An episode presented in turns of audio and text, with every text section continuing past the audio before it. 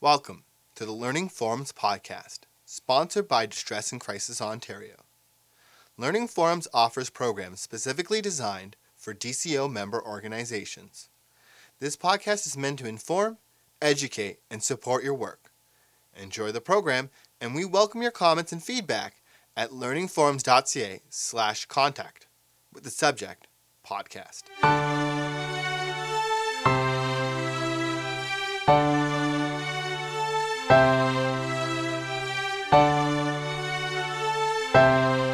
Thank you for joining me today. My name is Brenda Lanigan, and I will be speaking on understanding homelessness today.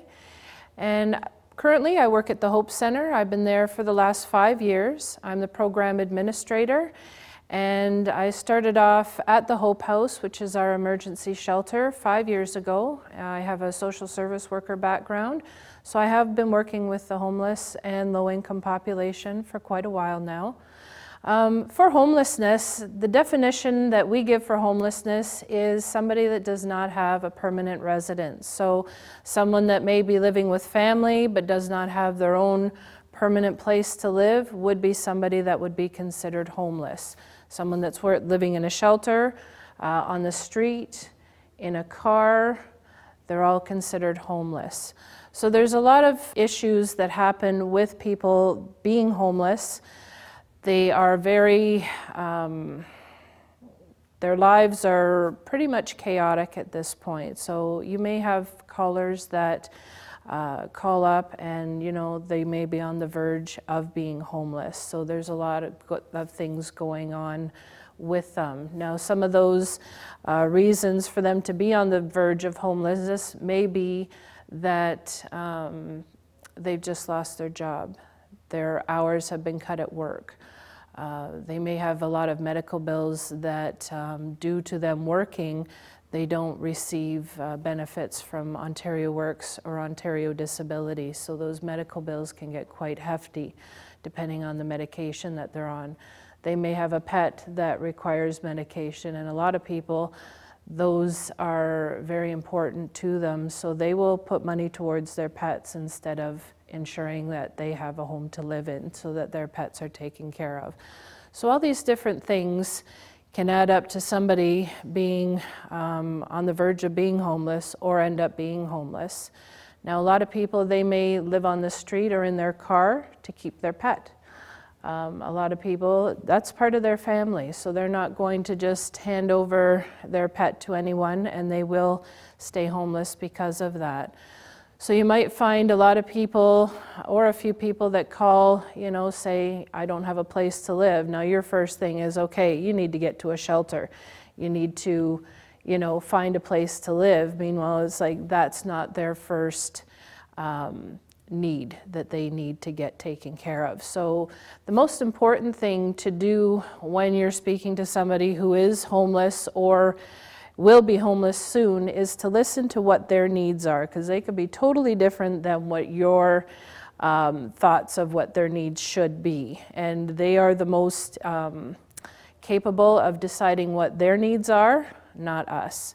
So um, when you're listening to them, just ensure that they are in a safe place and that there's resources available. So for instance, in Welland, we have the Hope Center, which provides many services and resources, as well as the emergency hostel. So, depending on um, your community, I'm sure you'd probably have an agency similar to that, as well as a hostel or you know two separate um, agencies that would deal with homelessness. Now, I know a lot of places has an outreach um, that helps with uh, people that live on the streets. So provides them with uh, sleeping bags and different things so that they can stay out in the cold and they are at least warm.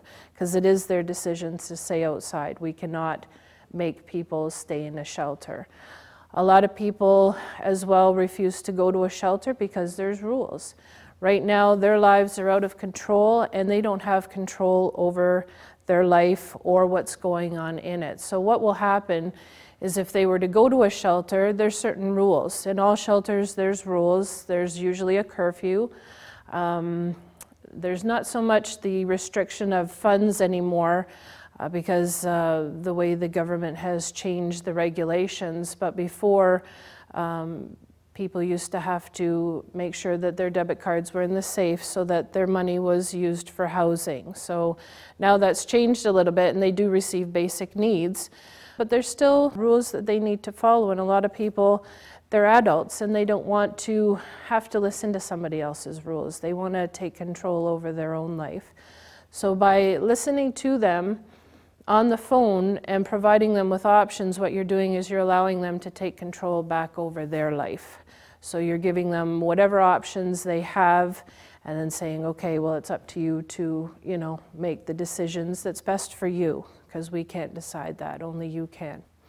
Some of the resources that um, are available would be uh, there are various shelters. There's also, I know in the wintertime in this area that we have um, what's called out of the cold. So there's some different options, and those are churches that will open up in the wintertime in order for somebody to have a place to stay. There's, there's not as many rules and regulations as in a regular shelter because it's just a bed for the night. So in the morning, they have to get up and they need to leave um, the building. And then I think it changes, you know, either daily or weekly between the different churches. And then there is other areas that have a soup kitchen so people can go and get food. There's also the food banks. So there are some different options to give people when they are homeless. Another thing you might want to suggest to them, because a lot of people aren't um, aware that um, if you don't do your income tax, you lose a lot of money. So that money that's available may be what can get them permanent housing and more appropriate housing. So um, a lot of people, what will happen come July, if they haven't done their income tax, their child tax benefits cut off. They don't get GST, they don't get HST, and they don't get Trillium. So right there, there's four different funds of pots of money that they are cut off of, which could really determine, you know, what kind of housing that they're able to get. So it's really important, you know, like have you have you done your income tax, you know, and if you haven't, Go down to usually the MPPs um, in the area will provide income tax clinics for free. There are some agencies as well that do that, so it's really good to check with the agencies in your community to see what uh, they provide, and some of them do provide income tax clinics all year long because there are a lot of people that haven't done it for 10 years, you know, so there's some catching up to do. And if they do that, they're going to receive all those funds backdated to whenever they last did their taxes. So that could really help somebody out in securing permanent housing.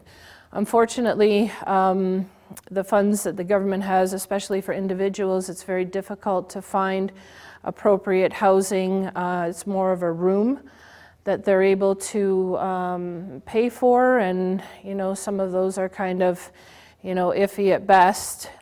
When you're speaking to them, they're going to feel like their lives are going out of control and they're going to be really, really frustrated and scared because it's a really scary feeling. Has anybody, uh, by show of hands, has anybody talked to somebody that's been homeless or worked with people that are homeless? Okay, so there's a few that are aware that it's a scary thing. And I, for one, have never been homeless, but I've worked with a lot of people and they come in and they're terrified they're going to lose everything that they have. So when you become homeless, all those belongings that you have, there's nowhere to put them. So you can't, you know, pay for a mover to put them in storage because you don't have money to afford to pay for your housing. So all your belongings, anything that means a lot to you, is gone. So that itself, you know, because I have a lot of different things for when my kids were little or, you know, things you pack away, all that I can't take with me. I can't, you know, take it anywhere. Now, there could be, um, in the instance, somebody may be being abused. So they're leaving with the clothes on their back. They're not going to have any clothes to wear. So there's a lot of, you know, other things, and their children, you know, to make sure that their children are safe as well. All the children's toys, they're just running to get away from an issue that's happening. So there's a lot of loss there. Um, and it's, it's really scary, you know. Uh, the, uh, storage lockers that uh, are available, you know, they're about 60 to $100 a month. Where are you going to find that money, you know, when you can't afford to live? You can't move it anywhere because you're usually, by this time, may have a car, may not, but the insurance is probably due. You know, your license may be due. You might need um, maintenance done on the car, so the car is pretty much on its last leg. So, you know, there's a lot of scary stuff going on. So it's really important to just listen and find out what are your needs, what can I help you with, what resources can I give you today that's going to help you move forward. So that's the most important thing, you know. Give them the, the names for the shelters in your area and say, you know what, I understand right now that, you know, you may want to live in your car because of your pet here's some options. Maybe the um, SPCA in your community uh, takes animals and charges a small fee so that people that are homeless can use that service and still keep their animals. You may have uh, storage areas that may charge a very nominal fee, and you might be able to assist with that or um, advocate or get them in touch with uh, Ontario Works for discretionary benefits, because that's always good to do as well. So they might be able to help with moving. There's some things that they may be able to do. Find out what your community um, agency does, because they are a wealth of information. They have lots of resources. Um, for instance, at the Hope Center in Welland, we have community coaches, and they have, you know, numerous connections and relationships with the different uh, cities in the Niagara region. They have connections, they have knowledge and resources, so they may have a lot more than what um, you may be familiar with. So, you know, always have somebody come out from those agencies and maybe have a talk um, with your distress center because they are a valuable information and they can really, you know, help out with whatever it is that um, the needs are for homeless people. There are areas that uh, the shelters may be just for men, some are just for women, and then there are some that are just for families. The one that we have here is all of that combined, so we're able to um, uh, allow other people to come in, and it's not just either men or women. And some we have uh, youth shelters as well, which is really helpful. So, and they have services for youth uh, specifically that when we receive youth, it's better to direct them to the youth hostels because they have workers that will go out and work with them. So each agency has specialties in their area. So always check and, and see what they do, and they can sort of give you some options as to what some of the other agencies do. So, in conclusion, Homelessness is a person who does not have a permanent place to live. It could be living on the streets, in their car, couch surfing, so that would be staying with a friend or relative. It could be um, living in a homeless shelter. Until that person finds permanent housing, they are considered homeless. And so the resources to provide to somebody like that is provide them with the different shelters in the area that they may use later on if they decide not to use them right now. Always listen to what their needs are because their needs are what is important to them. It's not what we think they should be doing. So if somebody says, you know what, I'm going to live in my car, direct them to the soup kitchens, direct them to the food banks. There's different requirements such as ID. Some require a place to live, but if you speak to the agency, usually they can work around that and be able to provide that person some food so that they can sustain where they are. As well as some of the agencies may have sleeping bags and other things to help those that choose to stay out in the cold. So remember to give them lots of options and to let them make the choices so that they can take control back over their life instead of having everything taken out of their hands and they feel like they're just spinning out of control. So it's really, really important. I know if I feel like I'm just overwhelmed and all the control is taken away from me, I need something that I can hold on to so that I can make a decision and say, okay, I've made one decision, now let's move forward. And, you know, but if I have lots of options, I'm able to sort of think through those different things and decide what's best for myself and my family. So there's two reasons why uh, family members could call the distress center. One might be that uh, their child uh, has left home and they're out there somewhere, the parents or grandparents not knowing where they are, and just the fear of the not knowing where that child is. So, in that case, to reassure them, let them know that there's a whole sort of network of people that are on the streets and they know all the different agencies, they know what's available. So, usually, if a child is left home and they're homeless, they connect with that agency through friends or acquaintances, things like that. So, they will get directed to the different centers, they'll get directed to the soup kitchens, food banks different things like that. And, you know, even suggesting that the parent or grandparent phone the different agencies saying, you know, uh, my child is homeless and I'm really concerned. And maybe if you do see them, you know, can you just you know help them out a little bit so it just gives a reassurance that there's somebody out there that's looking out for that person and then if they see them they can they can assist Another reason why um, people might be phoning the distress centers is they may have an individual with them that's couch surfing and they've had enough at this point, so they need to leave. So, you know, what's available to them? So, the shelter. Um, in that case, I would suggest to have that person call the local shelter to find out what's available, if there's any beds available, that's a big thing. Some shelters may be full, especially at this time of year, because you know, of the different things going on. So there may be an issue of uh, not having a bed. So they might, you know, just have them have that awareness that if you can keep them for a couple more days until a bed becomes available, that would probably be good because you don't want them out on the street unless that's something that they choose to do. Does anybody have any questions? Yes. Do you have any recommendations on what information should be given to a friend or a family member that calls about a person who is homeless?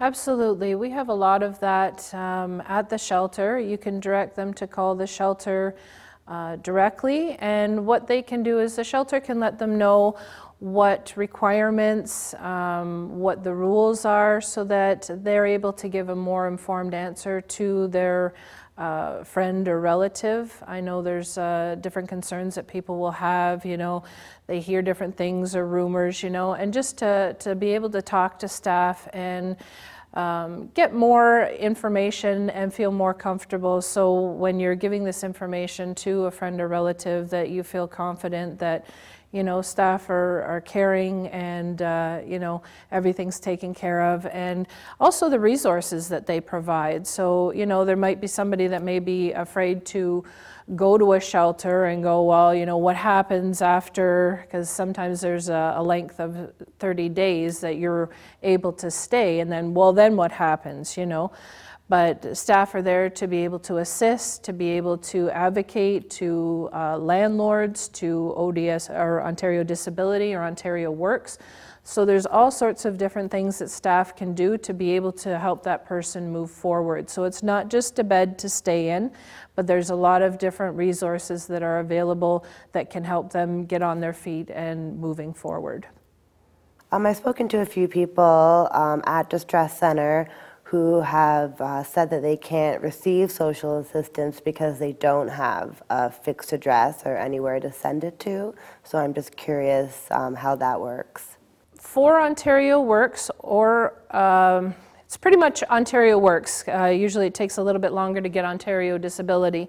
But for Ontario Works, you can receive Ontario Works benefits. If you are homeless, you will only receive the basic needs portion until you um, find a permanent home. So there is an intent to rent form that's uh, completed that re- is required to go to Ontario Works.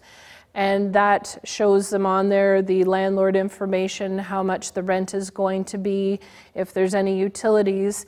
And then um, sometimes, depending on the circumstance, there may be people that are, um, you know, coming from jail or the hospital that may have addiction issues, uh, Ontario Works will pay the landlord directly in those cases so that they will have a home. So even though the remainder of their basic needs, you know, may not uh, go to something appropriate like groceries, at least they have a home and they will stay there. So that is, yes, they will receive Ontario Works benefits.